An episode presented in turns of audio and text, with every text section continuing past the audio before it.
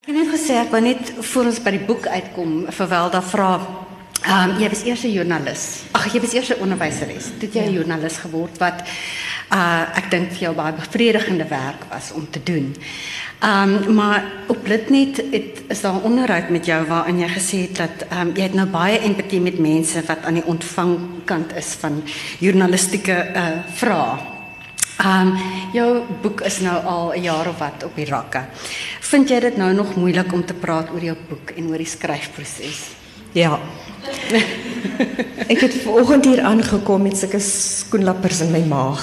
Nog steeds. Dit is dit is nie. Dit is nog steeds moeilik. Ehm want kyk 'n mens waardeer dat mense so baie moeite doen om te kom en te kom luister en die boek koop en en en, terugvoering. Ehm um, maar dit is moeilik om oor die boek te praat en oor die proses, maar ehm um, dit het tot dusver goed gegaan. Ehm um, okay, ek ek ek het gewonder want ek sien James Coetzee is ook iemand wat jy graag lees. Ehm um, ek het gewonder of jy uh begin verstaan hoe dit is dat iemand soos James Coetzee besluit om glad nie onderhoude te doen nie want dit is net te moeilik.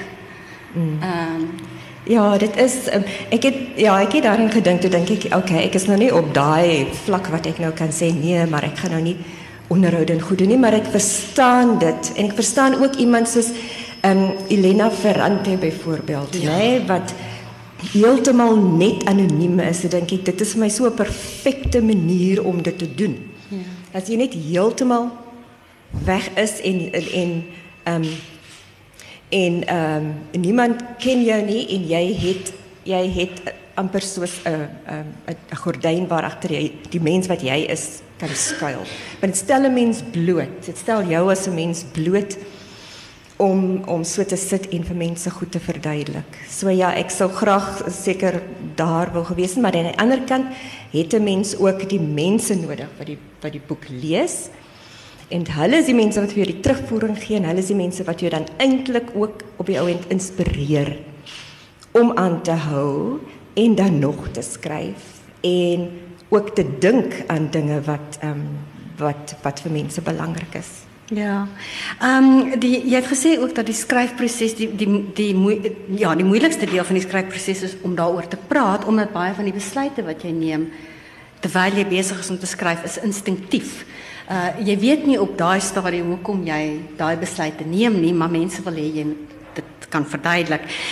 Um ek het gewonder of in die jaar wat nou verby is wat jy nou so blootgestel is aan so baie vrae of dit vir jou voel asof daar 'n spesifieke ding is wat mense by probeer uitkom as hy as hulle jou hierdie vrae vra oor jou boek of daar iets is wat hulle spesifiek wil vasstel. Um en ek het gewonder of dit is omdat mense so baie mense hierdie verskriklike drang het om 'n storie te skryf of hulle storie te skryf en dat hulle wil weet hoe doen 'n mens dit? Dink jy dit is waarby mense wil uitkom? Ek dink 'n mens lees om um, om jouself te verstaan en die wêreld om jou te verstaan. Die een ding in verband met my boek wat van die heel eerste onderhoud af uitgespring het is wat mense wil weet is is dit waar? Hmm. Dit is die, dit is die een ding. Dit was van die heel eerste onderhoud af en dit is mm, dit was ek het ek het mettertyd geleer hoe om daai soort vrae te hanteer. 'n Mens skuil agter die feit dat dit fiksie is. Jy maak jouself fiksie en jy maak jouself as jy oor jouself skryf, dan kan jy jy kan nie daaroor skryf as jy as jy iets het waar agter jy skuil soos fiksie is dan nou dit. Ehm um, maar ek dink ook dat ek ek vermoed dat daar ehm um, goed is waar wat vir baie mense nog baie moeilik is om oor te praat. En daar sekerre daar's verskillende goed in die boek wat verskillende mense aanspreek en dan kom hulle na mense toe. En dan sal hulle met groot emosie sê dankie vir die boek en dankie dat jy geskryf het. En hulle sê nie wat dit is spesifiek wat hulle dan gesien het nie, maar ek vermoed dat dit hierdie ding is wat dit was vir my baie moeilik geweest om te begin om die boek te skryf. Dit was my baie moeilik om want ek wou nooit skryf oor apartheid nie. En ek dink op die ou end is dit die een tema in hierdie boek wat wat eintlik vir mense raak. Van die mense wat na my toe gekom het en en en wat na my toe kom en nie regtig weet hoe om dit in woorde te stel nie. Maar ek vermoed dat daar in die land vandag nog steeds ehm um, amper 'n onverdraagsaamheid is teenoor sekere opinies. Daar's mense wat moet stil bly oor goed wat voorheen te veel gesê het en te veel gehoor is en daar is amper nie vir hulle 'n ruimte om te sê maar dit is hoe ons geleef het of dit is hoe ons dit ervaar of dit is wat ons nie geweet het wat gebeur het in hierdie land in die tyd van apartheid nie. So dis amper vir my dis 'n gevoel wat ek begin kry van terugvoering wat nie heeltemal in woorde is nie, maar dis so ek ek kry dit so asof 'n boek soos hierdie en iemand soos ek wat dit sê, wat dit skryf en dit dan daai tema eintlik amper vir mense oopmaak vir hulle self om om hulle eie lewe te sien en dit te onthou en en daaroor na te dink. Dan is hierdie boek amper of so 'n soort storie amper vir hulle 'n soort manier hoe hulle vir iemand anders kan sê ek weet nie of hulle wil sê ek is jammer of ek het dit nie geweet nie of ek het nie geweet dit was so erg nie. Want daar's baie goed wat mense nie geweet het. Dit is amper dit het dan ook uh dit resoneer dan ook met uh met byvoorbeeld soos in wat in Duitsland gebeur het nê daai geskiedenis ken ons ook. So ek dink dit is die een ding wat vir my uitstaan as 'n mens praat dalk van die impak van hierdie boek wat ek nie voorsien het. Ek het nie enige impak voorsien nie. Ek was net vreeslik bang toe die boek uitgekom het. Hmm. Want wat gaan mense nou sê en hoe gaan hulle voel en en wat gaan hulle nou dink? Ehm um, dit is my volgende vraag was eintlik wat, wat wat oor die reaksie teenoor jou boek het jou verras en dit klink asof dit daai ding was wat jy nie jy sê jy het nie voorstelling gehad maar dit was daai ding dat dit vir so baie mense iets beteken het waaraan jy nie eers vir ja. die tyd gedink het. Ja, dit kan wees nie. Maar kom ons praat dan oor die boek self. Hoe verduidelik jy want daar is mense, daar is mense wat nog nie die boek gelees het nie. Shame. Hoe verduidelik jy vir mense waaroor die boek gaan? Mm.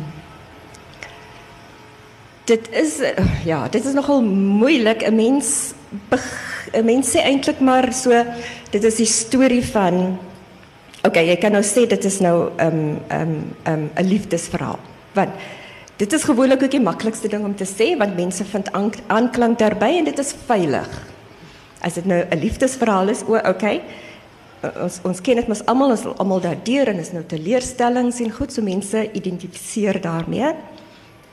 En ehm um, op daai vlak. Maar dan soos jy dan nou dieper in die boek ingaan, kom daar daar ander goed uit. Dit is nie net een storie nie. So ek dink vir lesers is dit jy kan die boek lees op die vlak wat jy dit wil lees.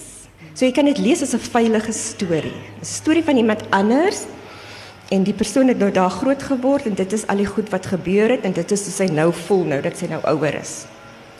En dan kan jy jouself daar uithaal. En dan is daar weer ander vlakke van swaar kry.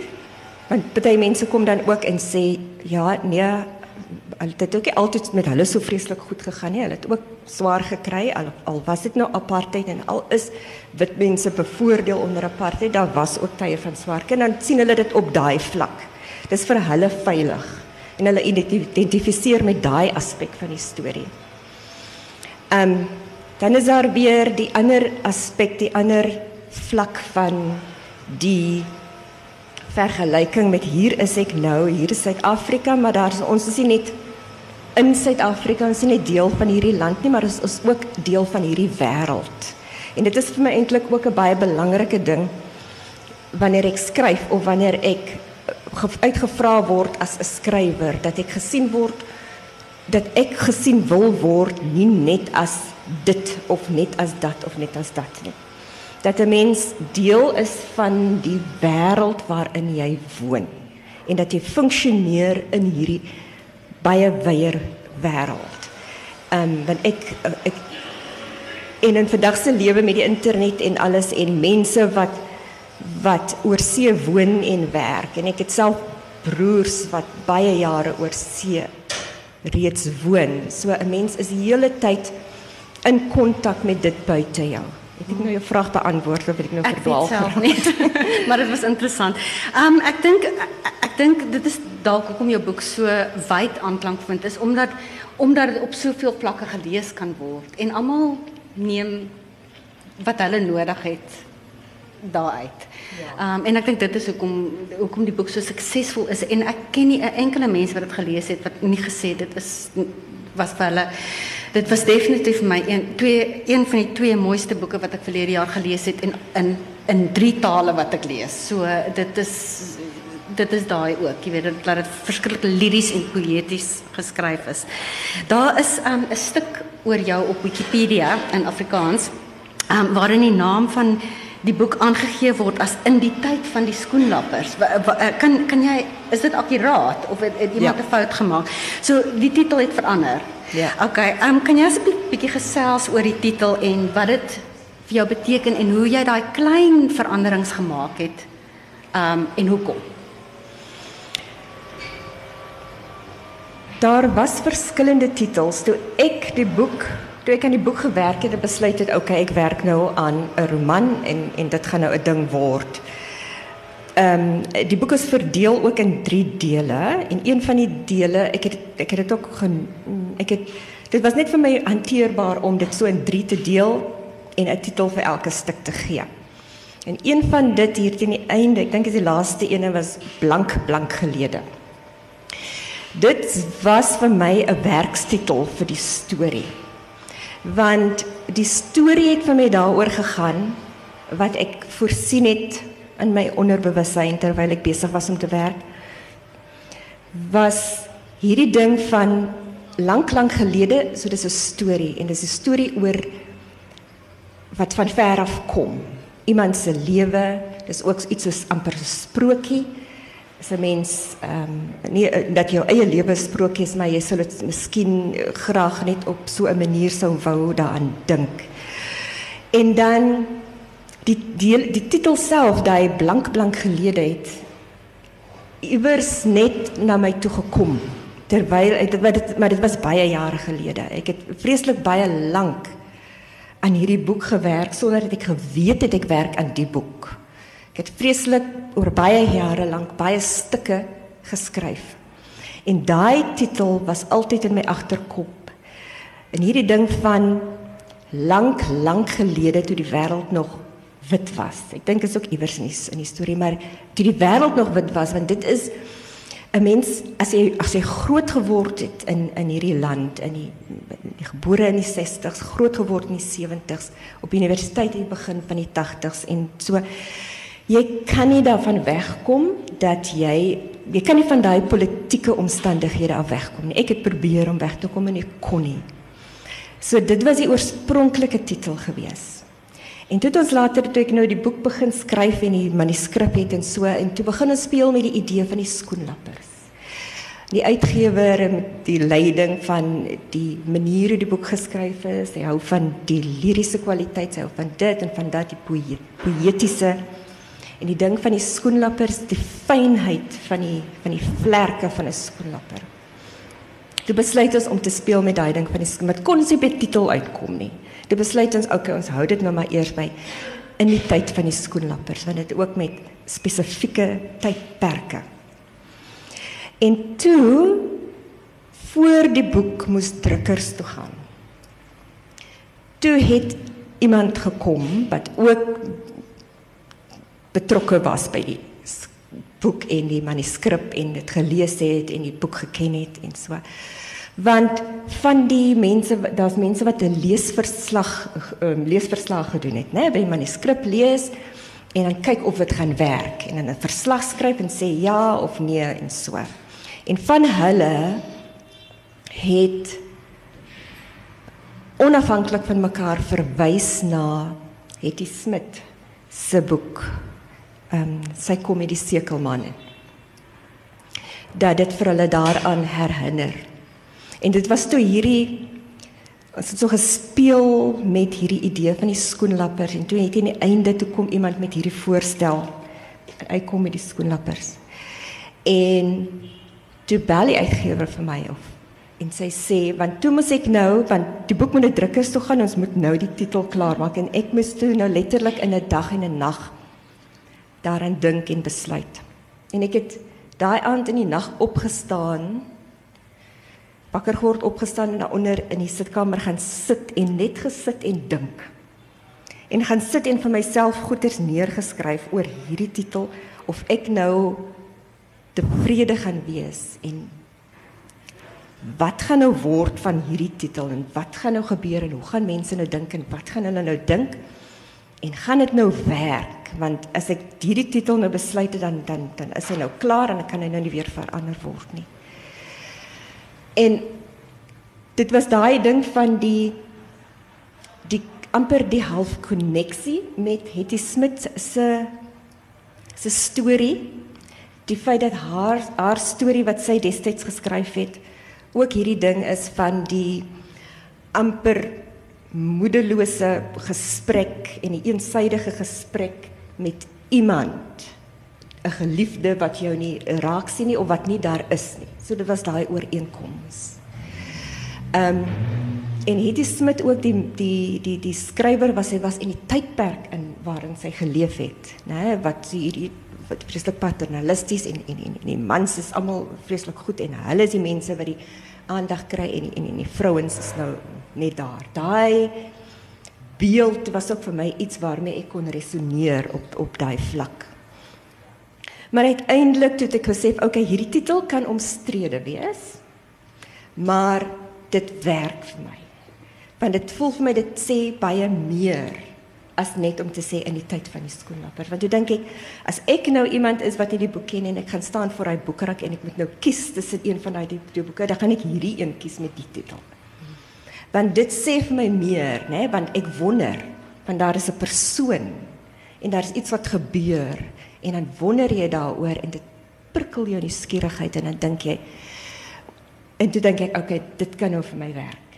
Ja. En toe besluit die volgende oggend en skryf ek vir seker, ja, ons gaan ons ons vat hierdie titel en ons ons vat dit wat dan nou daarmee kom. En die ander interessante ding natuurlik is dat die ehm um, Hetty Smit se se boek die ehm um, reaksie na die boek gepubliseer is is was was baie groot. Jy weet die boek is baie onthullend, is baie intiem wat jou nou ook is en dat die die reaksie op haar boek laat 'n mens baie dink aan die reaksie teenoor die ehm um, die die confessional poets um in Amerika so Sylvia Plath en Anne Sexton en Robert Lowell en die um daar was daar was dit het mense ontstel dat mense so begin skryf het. Sou jy sê jy's ook beïnvloed deur daai daai confessional poetry want jy is ook 'n digter. Is dit iets wat jou dink jy bewustelik of onbewustelik um vir jou insette gegee het? Ek sou nie sê dat ek bewuslik eh, dit gedoen het nie. Ek dink dit was meer ook instinktief want ehm ek het ook toe ek gedigte begin skryf het, was dit ook, jy weet, 'n mens skryf amper so half in 'n ligleegte in.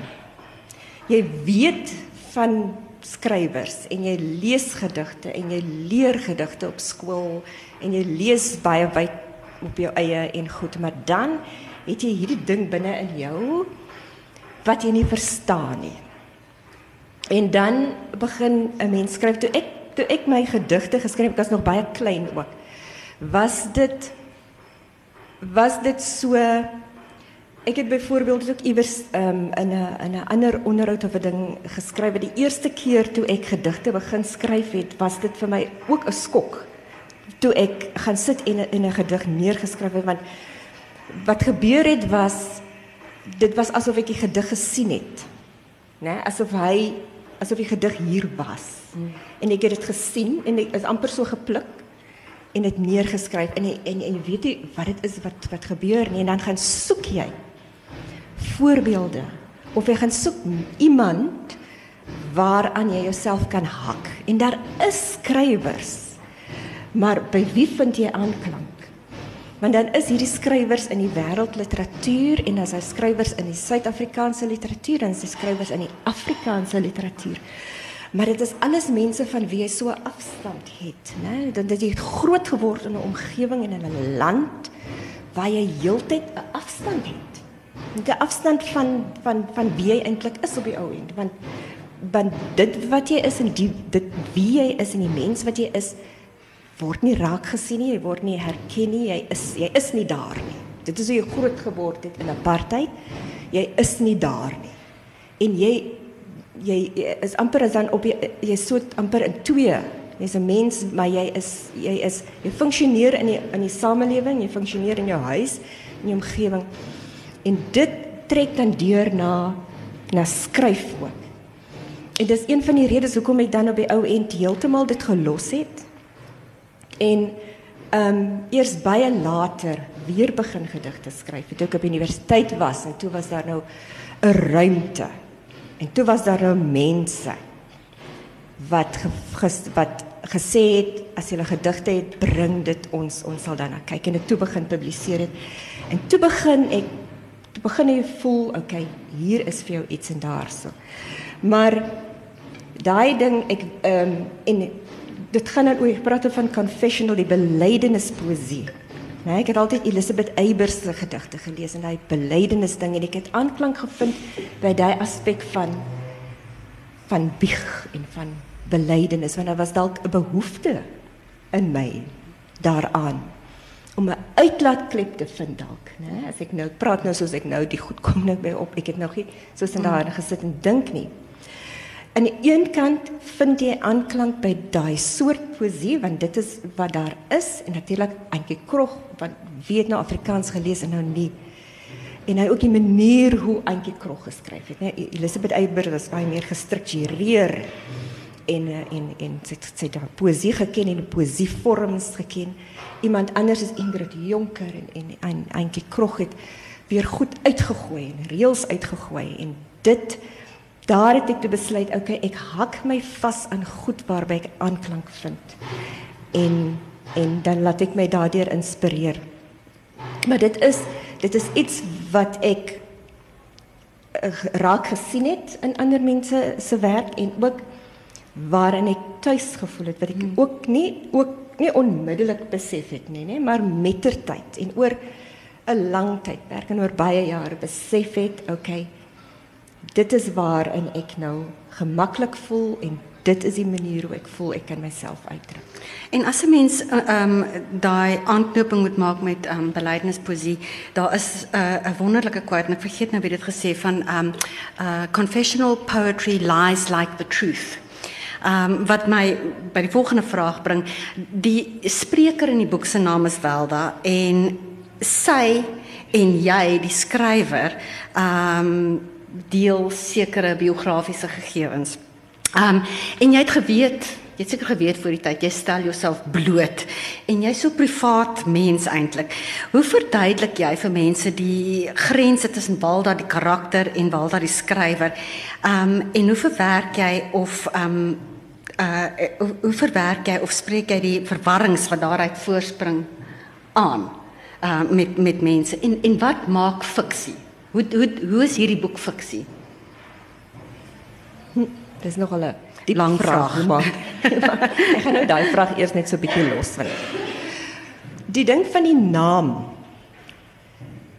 Ehm um, daar was vreeslik baie probleme in my pad toe ek besluit het om 'n storie te skryf. Uh want ek kon nie 'n ander soort storie sien soos die ene wat ek geweet het ek gaan skryf nie. En die hoofkarakter in die storie OK, ek gaan nou eers die biografiese goed.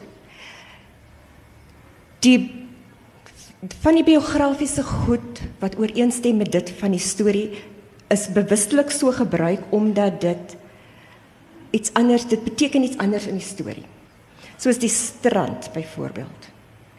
Ek kon 'n ander dorp gekies het of 'n ander naam of ek kon die die die die dorp 'n ander naam uitgedink het. Maar ek het besluit om daai naam die strand te hou. Want die strand speel ook 'n rol in die geskiedenis in in, in die storie self en die geskiedenis en die tydperk waarin die vrou groot word. Die strand was 'n baie verkrampte plek onder apartheid. En ek het aan daai plek groot geword en ek geweet dit kan nie op 'n ander manier want dit dit was een van die plekke in hierdie land wat die heel laaste was. Die heel laaste plek was om daai apartheidsborde af te haal. En ek het altyd geweet iewers gaan ek 'n storie skryf iewers gaan ek 'n boek skryf. En ek het baie hard probeer om nie hierdie boek te skryf nie en nie hierdie storie te skryf nie. En uiteindelik het dit my so moeg gemaak en so siek gemaak en ek besluit ek, okay, nou moet ek net gaan sit en toe ek nou terug toe ek nou uit Johannesburg kom en hier in die, in die Kaap weer en alles kom net weer so hardloop dit druis net so terug. En toe weet ek, okay, nou kan ek anders sê. So nou gaan ek die boek skryf. So nou moet hy nou geskryf word soos hy moet geskryf word. So nou skryf ek oor die strand. En nou skryf ek dit is hoe dit was om in daai plek groot te word. Dit is 'n verskriklike mooi plek. Né? Nee, toe ek destyds oor see gegaan het vir die eerste keer, ek was 21 toe ek die eerste keer oor see gegaan het met 'n beurs Duitsland toe. Toe was hier nog apartheid. Toe was daai borde nog daar. En kom jy nou in Duitsland mee vir mense vertel waar jy vandaan kom. En dan wys jy nou die prentjies. Ag, dis daar vreeslik mooi. O, jy's so gelukkig jy kan in so 'n pragtige plek groot word. En dan kom al hierdie gevoelens by my, dan dink ek maar hoe sê 'n mens dit vir ander mense? Hoe verduidelik jy hierdie teenstrydigheid? En toe besef ek maar dit is hoe hoe ek groot geword het en dis die mens wat ek uiteindelik is en daar's hierdie teenstrydigheid. Dit is dis absolute wonderlike mooiheid in hierdie land. En is die mooiheid van die taal Afrikaans. En is daar die verskrikkings van wat gebeur het in hierdie taal. Dit is soos Duitsland, 'n mooi land. Beskrikkelike wonderlike natuur, hierdie fantastiese kulturele goed wat 'n mens kan leer in daardie land. Die die vreeslike mooi taal van Duits. En dan die verskrikkinge wat gebeur het in die naam van Duits.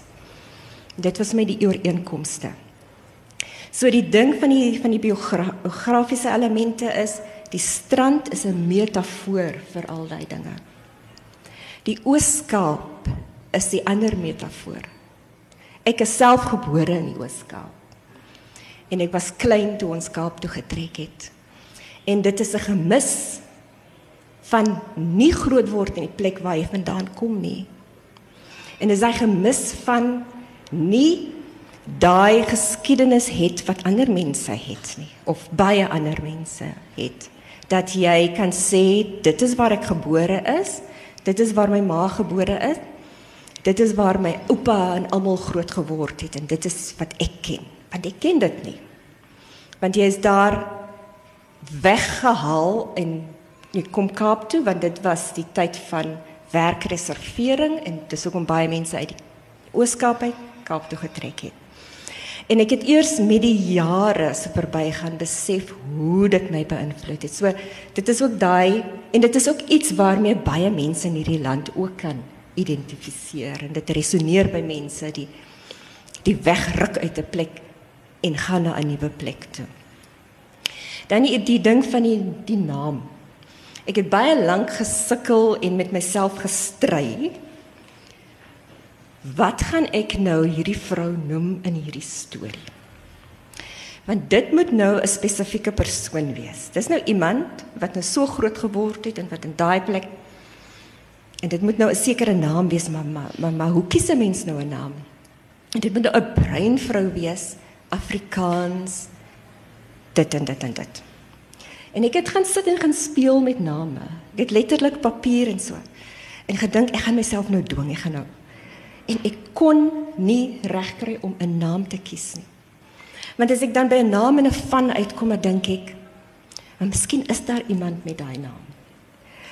En toe het dit vir my gevoel en al is daar ook eens iemand met daai naam, is daai naam en van, dan dink ek, dit voel so vir my asof ek iemand anders gaan blootstel in hierdie storie, in die soort storie met hierdie naam wat ek nou uitgedink het. En dit het mettertyd, mettertyd, mettertyd by my uitgekom. Die enigste uitweg vir my was sit jou eie naam in. Ek het net geweet dit moet want toe besef ek ek kan myself blootstel en ek kan daarmee deel. Ek kan dit hanteer. Ek sit my naam daarin en ek maak dit 'n boek, ek maak dit fiksie, ek maak dit 'n storie en dit is dan my gordyn. Um verlede jaar by jou um boekbekendstelling het ek ook onderhoud met jou gedoen en ek was um vas oortuig daarvan dat die uh, verteller in die storie nie 'n naam het nie. En ek het 'n vraag gevra waarin ek dit ook gesê het mm. en Walda het my so snaaks aangekyk.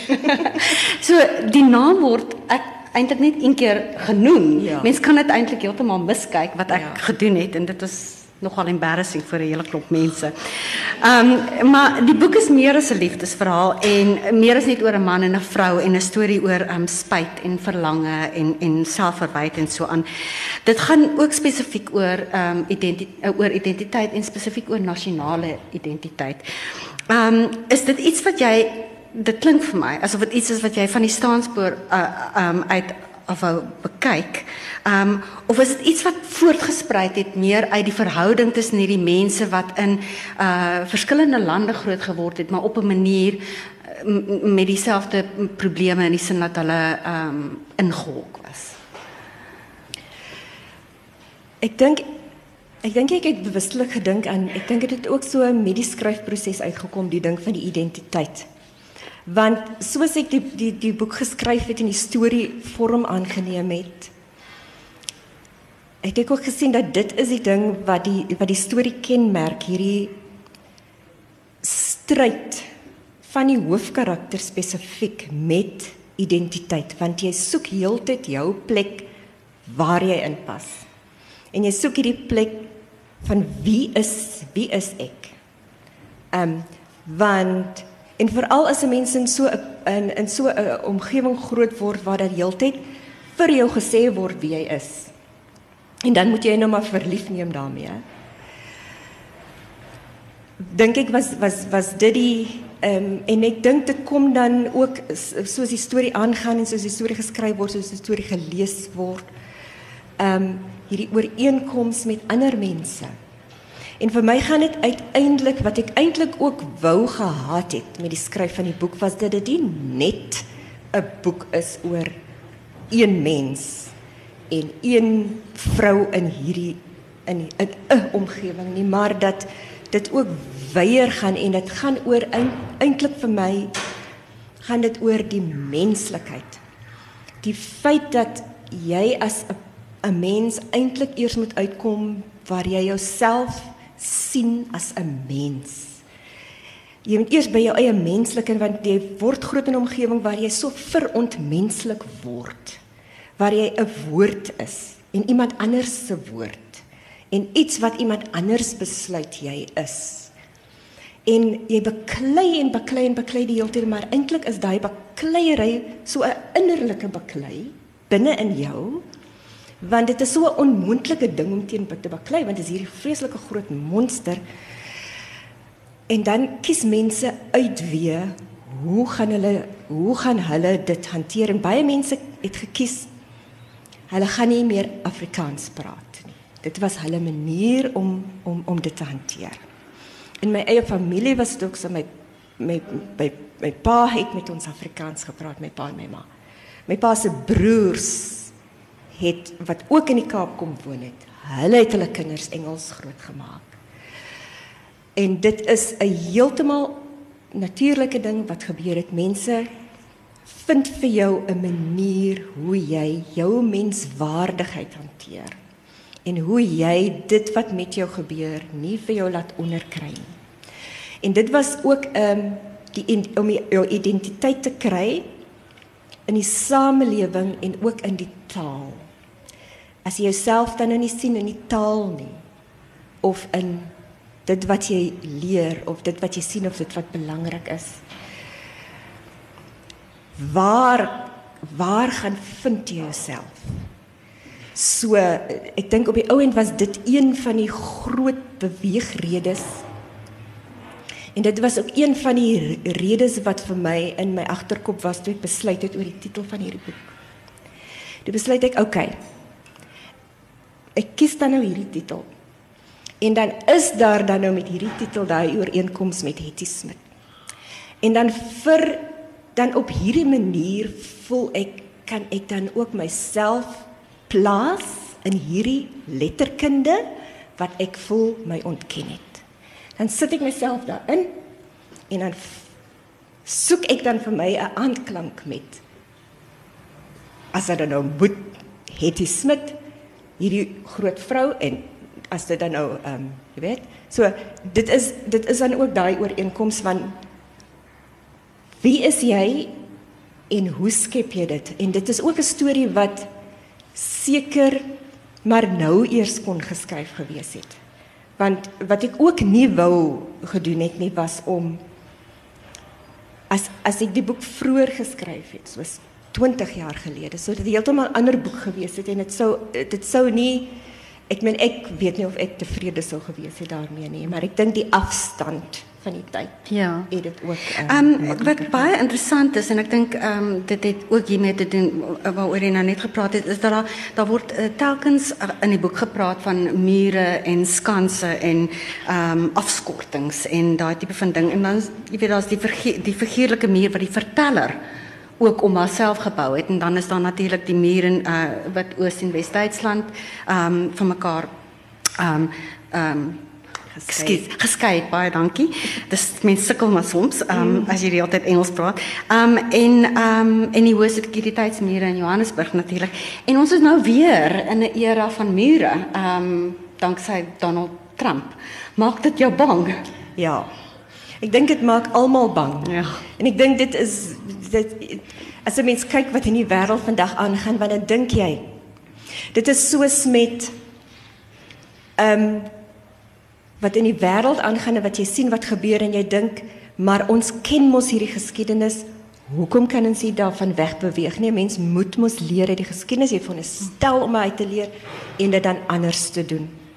Dit is soos met die ehm um, wat op universiteite gebeur het ook die afgelope tyd om daai beelde te kon sien van studente en die ontevredenheid en die manier hoe dinge gedoen word wat so daai beelde terugbring van die tyd toe ons op universiteit was in die, in die 80s en daartoe mens goed gehad het ook waarteen jy gestry het en baklei het.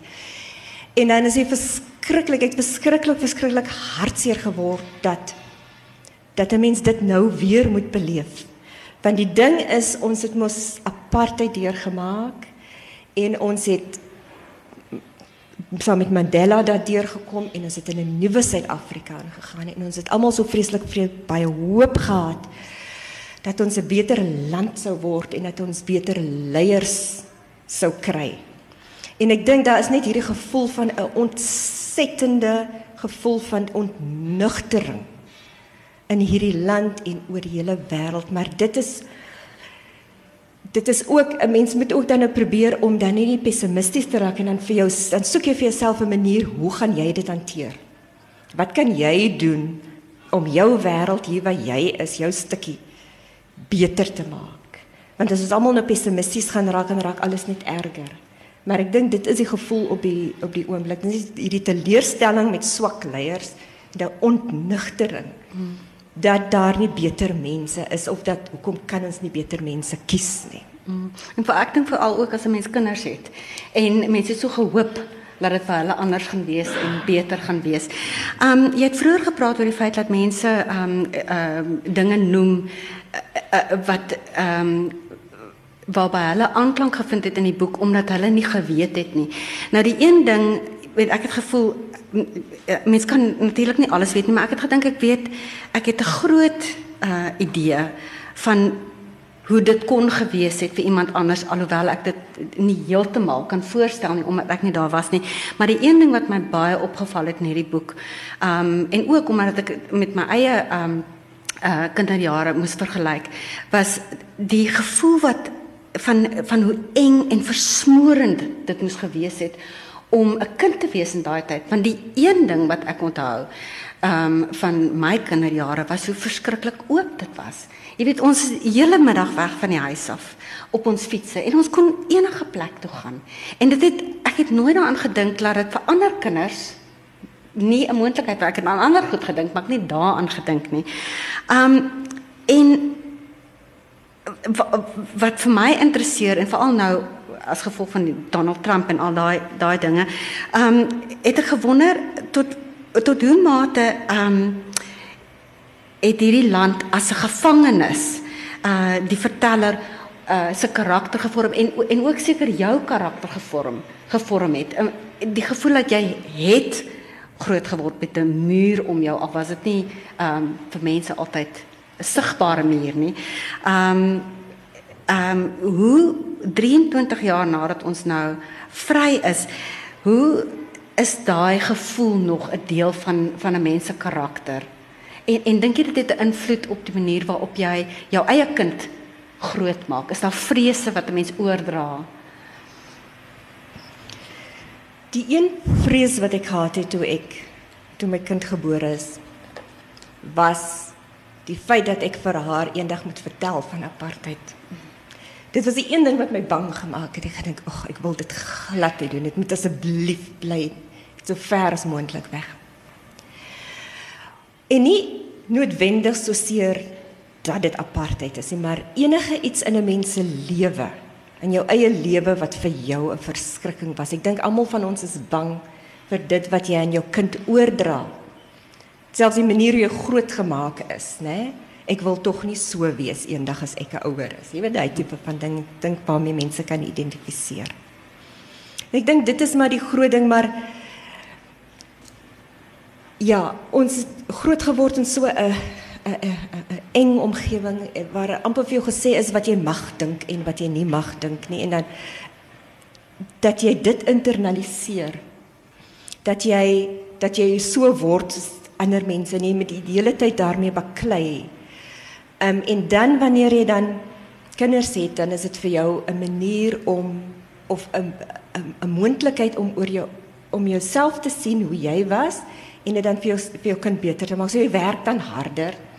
Jy jy jy kry dan 'n goeie skool en jy jy werk hard om vir jou kind 'n beter lewe te gee en vir kind bloot te stel aan aan 'n wyeer omgewing, aan diversiteit, aan ander mense en ander maniere van dink en dat jou kind op daai manier voorberei want jy kan nie die wêreld om jou beheer nie.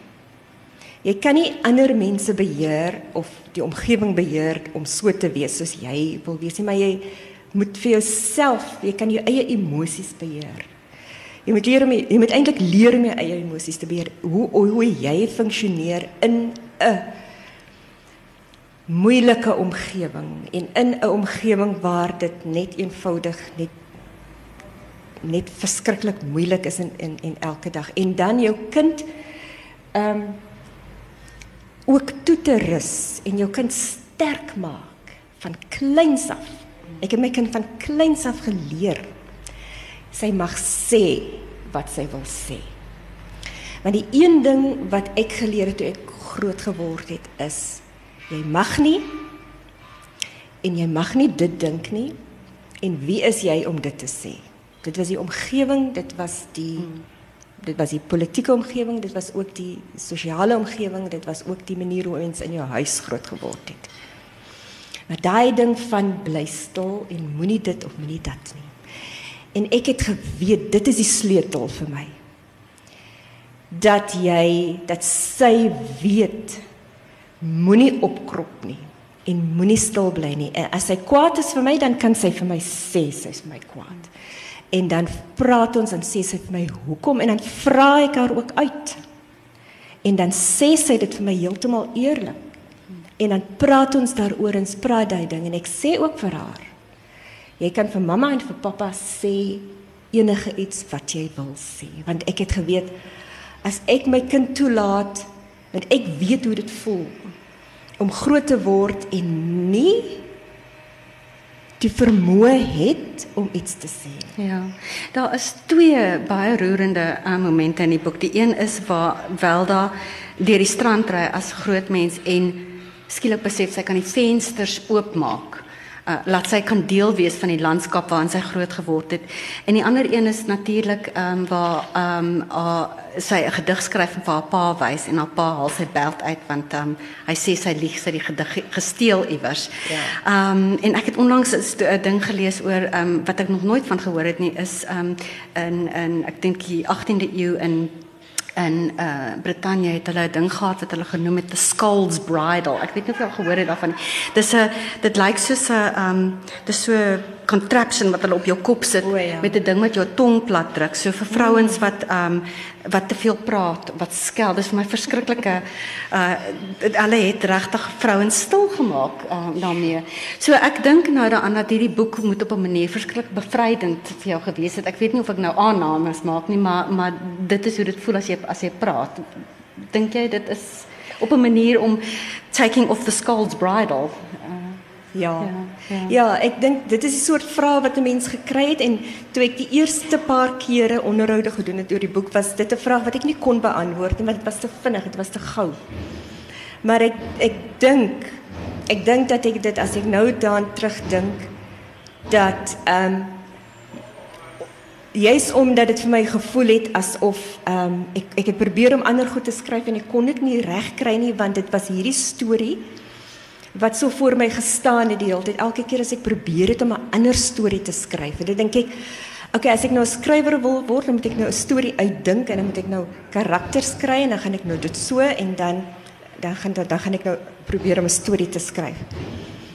En ek het daarmee verskriklik baie gesukkel oor 'n baie lang tydperk.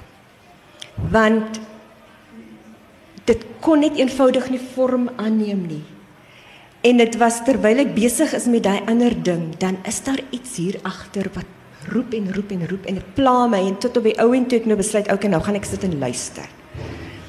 En toe het ek net geweet hierdie storie moet nou maar uitkom. En as hierdie storie uit is, dan is hy nou klaar en dan kan ek daar en dan kan ek nou maar dan nou 'n regte skrywer word en dan kan ek nou ander goeders uitdink en iets anders doen. Maar ehm um, dit is dit is hoe dit vir my gevoel het en en en met al hierdie onderhoude wat ek nou doen want wanneer ek vra kry dan dink ek nou ook jy weet oor goed wat ek nie voorheen aangedink het nie. En toe het ek nou ook nou besef, okay, dit is nou soos dit was en dit is regtig so. Dit voel nou vir my soos en ek weet dit is nie dat hierdie storie byvoorbeeld nou klaar is nie. Mm. Ek dink hier gaan aspekte mm. hiervan nog steeds uitkom. Ja. 'n Ander tipe goed wat ja. geskryf gaan ja. word. Ja. So. um, Ek dink ons moet um, ons moet nou kans gee vir mense om vrae te vra, maar dit bring my nou by my laaste vraag. As as hierdie boek bevryding was, as dit vir jou deure oopgemaak het of mure afgebreek het, beteken dit dat jy nou alweer besig is met iets anders? Wat wat wat kan 'n mens volgende verwag? Ehm en gaan jy gaan jy aanhou dig? Mm.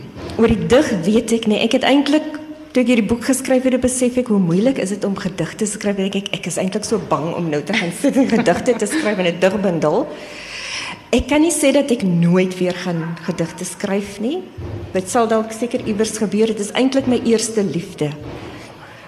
Ehm moet ek sê, ek het dit ook ehm um, afgeskeep oor 'n lang tydperk. Ek dink ek het uh selfvertroue verloor dalk gaan dit 'n manier wees hoe ek weer daarby gaan uitkom. Ek kan nie sê dat ek vreeslik jy weet dit ek is besig met dit of dat of dat nie. Mm. Maar ek is beslis ek gaan beslis werk aan 'n 'n volgende manuskrip, 'n volgende ding. Mm. Maar ek kan nie vir sê want ek weet ook nog self nie. Ek speel nog maar nog eers 'n bietjie rol. Okay. Ek sien baie uit daarna. Baie dankie Welda. Is daar enige vrae wat mense wil vra? Is julle heeltemal bevredig. het ek alles gevra wat julle wil weet? Sal ons dan aanhou gesels of ehm um, want ons het nog 10 minute oor. Mm. Ehm um, nie heeltemal nee, ek is nog net besig om te dink aan aan moontlikhede. So maar uh, by die volgende goed waar ek gaan werk sal ek nou seker nou nie weer my eie naam kan gebruik of miskien is dit 'n nuwe tegniek wat ek kan uitdink. Maar ja, dit sal ek ek weet nog nie. Ek is nog um, speel nog so 'n bietjie rond en dink nog so 'n bietjie so ek is nie heeltemal seker nie. Erna. Ja, ja. Die die struktuur van die boek is baie interessant met die tydsverloop. O ja. En ek het gewonder hoe dit gewerk het die geskryf het of dit in stukke geskryf is of jy dit later aan so opgedeel het. Uh en en ook die kontraste weet is nie. Ja. Keer weer met die toets weer. Ja. Ek dink dit werk wel goed. Ek dink dit is mm. baie interessant om te lees. Mm. Het almal die vraag gehoor? OK, OK. Ja. Ja, ehm um, dit is ook iets waaroor mense gewoonlik vra en en en wonder. Ehm um, ek het ek het gesê van hoe hoe dit vir my hoe moeilik dit vir my was om net te gaan sit om die storie te skryf. En ehm um, en ek het ook agtergekom hierdie storie het oor baie jare begin vorm aanneem, maar in in in jy weet in die vorm van stukke aparte stukke net soos goed by my opkom skryf dit neer en dan is dit iewers in boeke en goed en so. Ehm um, toe ek ook besluit het dat dit nou 'n manuskrip gaan wees, dit nou 'n storie gaan wees, ek gaan nou 'n storie daarvan maak.